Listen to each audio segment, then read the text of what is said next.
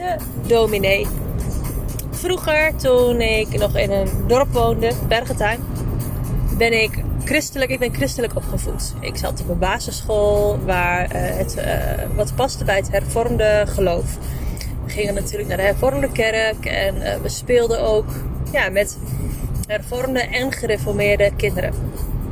De openbare school en de vrijgemaakte school waren apart. En dat was ook eigenlijk als, altijd een soort van aparte, ja, we waren aparte groepjes in Bergenheim. Het was ja, eigenlijk een soort scheiding Um, op de volleybal, toen ik, uh, nou zeg maar groep 7 zat, groep 8 denk ik, ging ik op volleybal. En um, daar trainde ik ook samen met kinderen van de vrijgemaakte school. En het was altijd toch een soort van partij 1 en partij 2. Weet je, je, was niet, je hoorde niet tot hun groep, je hoorde tot een andere groep. Uh, en het was prima dat was altijd wel interessant. Want het, het was ook een soort ja, volk. Ja, met alle respect natuurlijk. Maar je zat op een andere school en er was toch een soort van ja, bepaalde scheiding zat er toch in. Uh, en ik denk ook dat dat toen nog veel meer was. Dan heb je het echt over 30 jaar geleden, toen, uh, toen ik op de basisschool kwam. Uh, en nu, er is natuurlijk in die tijd gewoon heel veel veranderd. En denk, holy fuck, 30 jaar. oh my god, wat ik al zo oud. nee, mag ik al 34 zijn? Maar goed, uh, waarom heet deze aflevering de dominee? Natuurlijk niet voor niets. Want ik had ontzettend leuk inzicht en dat inzicht wil ik heel graag met je delen. Uh, volleybal, maakte kennis met andere geloven. Uh, zat zelf uh, op. Ehm, eh, ging zondag, mocht je, gingen we naar de kerk. Je had ook wel eens. je had ook jeugd of zondagsschool. Daar kon je elke zondag naartoe. naartoe. tijdens de hele dienst ging je dan naar de zondagsschool. Dat was heel anders dan bijvoorbeeld bij de Gereformeerde Kerk. Daar had je de kindernevendienst. Dan ging je zeg maar rondom de overtuiging of rondom de preek ging je... Uh, overtuiging? Gek woord ineens als ik het op deze manier zeg. Overdenking is het. overtuiging. Overdenking, tijdens de, rondom de overdenking, dus rondom de preek ging je dan, had je uit de kerk gehaald, ging je naar de kindernevendienst en daarna ging je weer terug in de kerk. Maar wij waren de hele dienst, konden wij bij de zondagsschool zijn. Dan werden we weggebracht door de ouders en opgehaald. En dan werkte je wel aan hetzelfde thema als in de kerk werd besproken. Um, toen ik van de basisschool afging, toen was ik te oud voor de zondagsschool. Of was ik daar te oud voor? Toen gingen we volgens mij naar een jeugdkerk. Of was er af de jeugdkerk? Ik weet het niet meer precies. Maar in ieder geval, er was op een gegeven moment ook uh. En we noemden dat toen kattenpis, geloof ik. Of uh, kattenpis. Ja, volgens mij werd het zo genoemd onder de jeugd. Kattengezatie. Een kattenbak, kattenpis. oh, wat wel grappig die woorden. Kattenbak. Eh, kattengezatie. Ik denk dat we dat misschien elke week hadden van de week. Ik weet het niet precies. Ik weet op een gegeven moment dat mijn vader was uh, jeugdouderling. Samen met nog iemand uit het dorp. En uh, die begeleidde op een gegeven moment leidde die de kattengezatie. En um, nou, ik vond ik het, wat vond ik ervan? Nou, ik vond het niet per se heel leuk. Ik was altijd wel trouw en gaan. En ook al heel tijdens de categorisatie was ik ook wel betrokken. Natuurlijk helemaal omdat mijn vader er ook, uh, die was daar ook. Maar goed, het was een hele leuke leiding hoor. Uh, maar ook anderen waren daar de leiding. En uh, voor mij was die kerk altijd een vanzelfsprekend iets. Omdat ik daar zo mee ben opgegroeid. En omdat het zo'n echt groot onderdeel uitmaakte van mijn leven. Uh, op een gegeven moment kwam er een moment dat wij van Bergentheim naar Ommen zijn verhuisd. We gingen daar ook naar de kerk. En uh, merkte al wel, we gingen op de basisschool gingen we elke zondag naar de kerk. En als je dan een keer zondag niet was geweest, dan nou, kon het maar zo zijn dat je de week erop wel erop aan werd gesproken. Hè? Of dat je dan uh, van, goh, is er ook weer niet. Of uh, nou, zoiets. Um, dat was natuurlijk in Ommen was dat alweer anders, omdat je um, daar veel minder mensen kende. Of eigenlijk iedereen nog moest leren kennen. En we gingen niet structureel meer elke zondag. Het was toch anders. Ik ging wel naar catechisatie.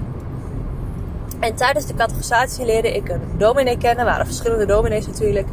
En je woonde dan in een bepaalde wijk. Dat viel dan zeg maar je postcode, je straatnaam zeggen. Of je, nou, dat hing van je postcode af. Of ja, nee, en je je achternaam, geloof ik. de eerste letter van je achternaam. Nou, maakt er niet zo heel veel uit. Maar ik kwam in ieder geval bij een dominee en die, uh, die voerde, zeg maar, of die begeleidde de catechisatie. Ik leerde wat jongeren kennen via catechisatie. Dat vond ik wel leuk. Uh, want hè, er was natuurlijk gelijk wel een stukje sociaal contact wat je daarop deed. Ehm, maar er was dus ook een dominee. En heeft op een gegeven moment heeft hij. Uh, en ik weet het niet meer precies wat allemaal is gegaan. Maar in ieder geval wat ik er nog van heb onthouden. Was dat hij op een gegeven moment ging vertellen over uh, geaardheid. En over uh, de man is gemaakt voor een vrouw en andersom. En ik was toen nog niet uit de kast. Ik ben op mijn 20ste, 21ste uit de kast gegaan. Maar wat hij toen, of gegaan, gekomen. Maar wat de dominee toen vertelde, dat heeft wel een dusdanige indruk op mij gemaakt. Want het was dus heel erg van, je past in het hokje uh, van man met vrouw. En als je daar dus in past, dan is het goed. En dan wordt het goedgekeurd. En dan is het zoals het hoort. Tussen aanhalingstekens doe ik dat even. Met mijn vingers, dat zie je natuurlijk niet. Maar dat zeg ik er even bij. Um, en als dat niet zo, en als je daar dus niet in past, dan val je dus buiten dat hokje. En uh, ik ben op een gegeven moment, mijn, uh, mijn jeugd ben ik zeg maar gaan leven. En um, op een gegeven moment merkte ik dat ik ook steeds minder naar de kerk ging. Uh, ik ging natuurlijk op een gegeven moment op mezelf wonen. Of ik rond mijn twintigste en daarvoor ook kwam ik eigenlijk niet meer in de kerk. En ik merkte dat ik die behoefte niet had. Um, en nogmaals, met alle respect, als iemand het wel heeft, is dat natuurlijk helemaal oké. Maar ik voelde die behoefte niet. En toen op een gegeven moment, toen uh, was het nog wel steeds, wel, ja weet je, ik kwam natuurlijk een beetje los van mijn ouders. Ik ging een beetje op mezelf. En uh, ja, ga je dan eigenlijk dus niet meer naar de kerk, want uh, het, het, voelde een beetje alsof ik iets verkeerds deed. Want ik was daarmee opgegroeid. Ik was altijd heel loyaal aan de kerk. Het hoorde ook echt erbij in Bergentheim. Ja, iedereen deed dat, zeg maar. Zat je op de...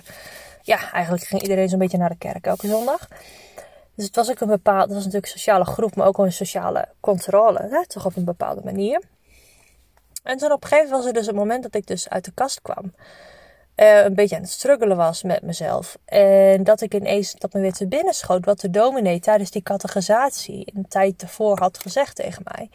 Of in ieder geval tegen ons. Wat ik echt onthouden had. Van, weet je, als je dus uh, een man is gemaakt voor een vrouw en andersom. Maar dat heeft God zo bedoeld en dat past precies. En uh, dan kun je je voortplanten en dat is hoe het hoort. En met andere woorden, als het dus niet zo is, dan hoort dat dus niet zo. En ik voelde me op dat moment zo ontzettend afgewezen op een bepaalde manier. Omdat ik me, ik voelde me niet geaccepteerd. Ik uh, voelde me niet gezien. Want ik dacht, ja, dominee, jij zegt dus eigenlijk dat ik niet goed ben zoals ik ben. En op dat moment had ik natuurlijk twee dingen had ik kunnen doen. Ik had hem kunnen geloven. Dus met de loyaliteit in de kerk, de waarheid van de dominee waar aannemen als de waarheid. Uh, uh, dus echt zeg maar daarin meegaan, hem geloven of mezelf geloven. En ik heb gekozen voor het tweede.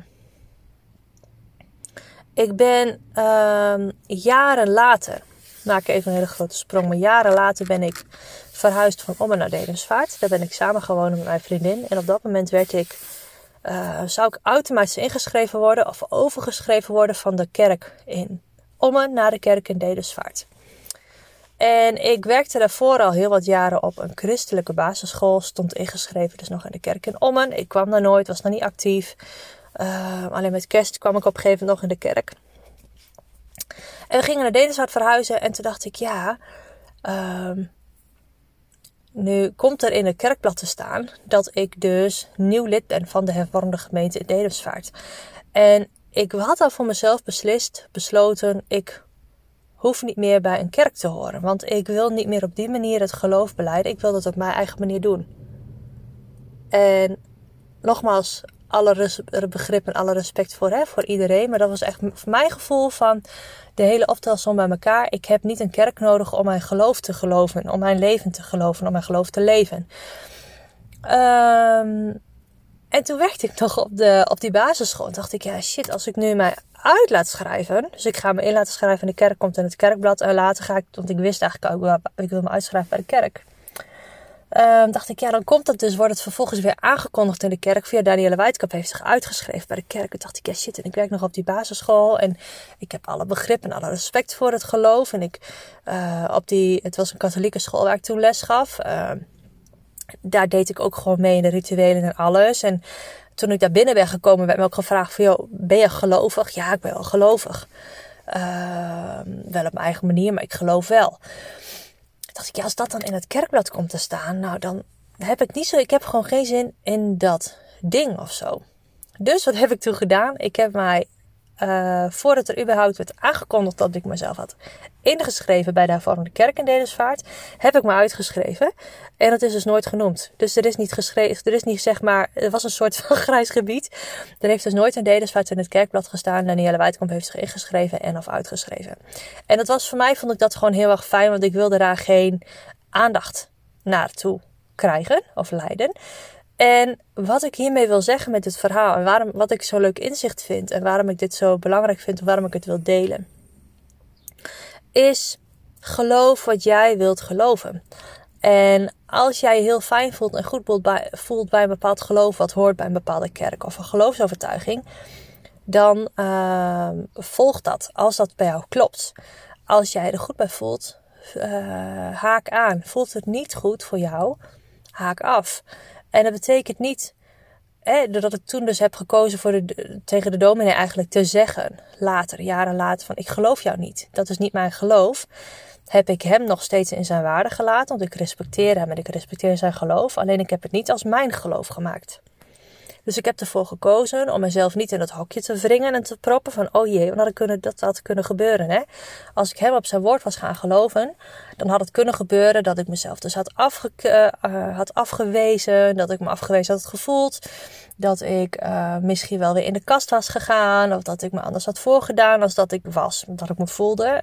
Had ik me niet lesbisch geprofileerd. weet je, dus dat had hele vervelende situaties kunnen veroorzaken. En ik heb er heel bewust voor gekozen om mijn gevoel te volgen. En dat betekende dus, dominee, ik respecteer jouw mening. Het is niet mijn mening. Ik ga ook niet mijn best doen om dat als mijn mening te maken. Dit is mijn geloof. En ik geloof op mijn manier. Ik geloof echt dat er meer is tussen hemel en aarde. Ik geloof in het goddelijke. Ik geloof in de kracht van het universum. Ik geloof dat we allemaal lichtwezens zijn. Ik ben, heel, ik ben spiritueel. Zeker op mijn beide beentjes op de grond en zeker ook spiritueel. Um, op mijn manier. En het voelde heel fijn om dat op mijn manier te doen. En um, ik wil je uitnodigen, uitdagen, op je hart drukken dat jij de dingen mag geloven die voor jou goed voelen. Betekent niet automatisch dat jij een ander die, omdat hij ouder is, of omdat hij meer geleerd is, of omdat hij uh, een titel draagt als dominee of iets anders, dat je die per definitie moet geloven. Stem het altijd af met jouw gevoel. Hey, klopt dat met mijn gevoel? hey, dat voelt voor mij ook zo. Dat voelt voor mij heel goed. Sluit aan.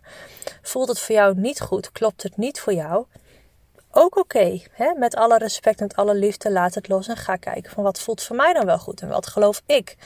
Het gaat erom dat jij in dit leven, hè, dat is mijn geloof en mijn overtuiging, dat jij je leven leeft op de manier die voor jou goed is.